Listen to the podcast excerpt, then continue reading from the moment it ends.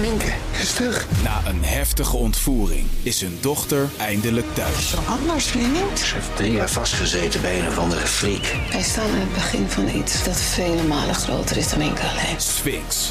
Ik ben nergens veilig. Vanaf 22 maart alleen bij Videoland.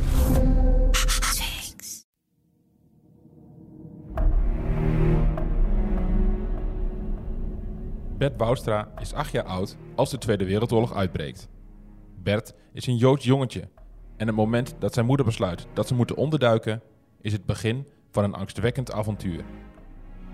Maar ik was zo bang en zo onrustig. Ik denk, jongen, jongen, waarom zit ik hier als jongetje opgeborgen op een slaapkamer? De vlucht van Bert gaat langs 13 onderduikadressen in Twente en op andere plekken in de regio. Hij weet nog maar net te ontsnappen aan een razzia in Boekelo. En hij slaapt dagenlang in een auto, verscholen onder takken in een bos.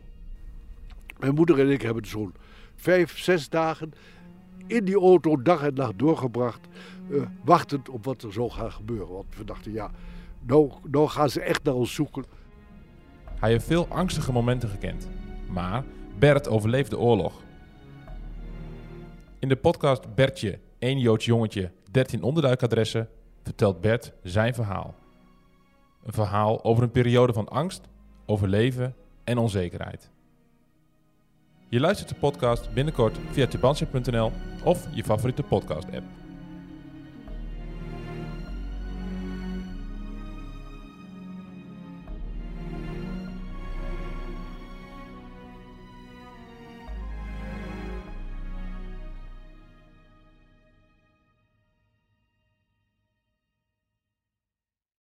Minke is terug. Na een heftige ontvoering is hun dochter eindelijk thuis. Anders, vriend. Ze heeft drie jaar vastgezeten bij een of andere freak. Wij staan aan het begin van iets dat vele malen groter is dan Minke alleen. Sphinx.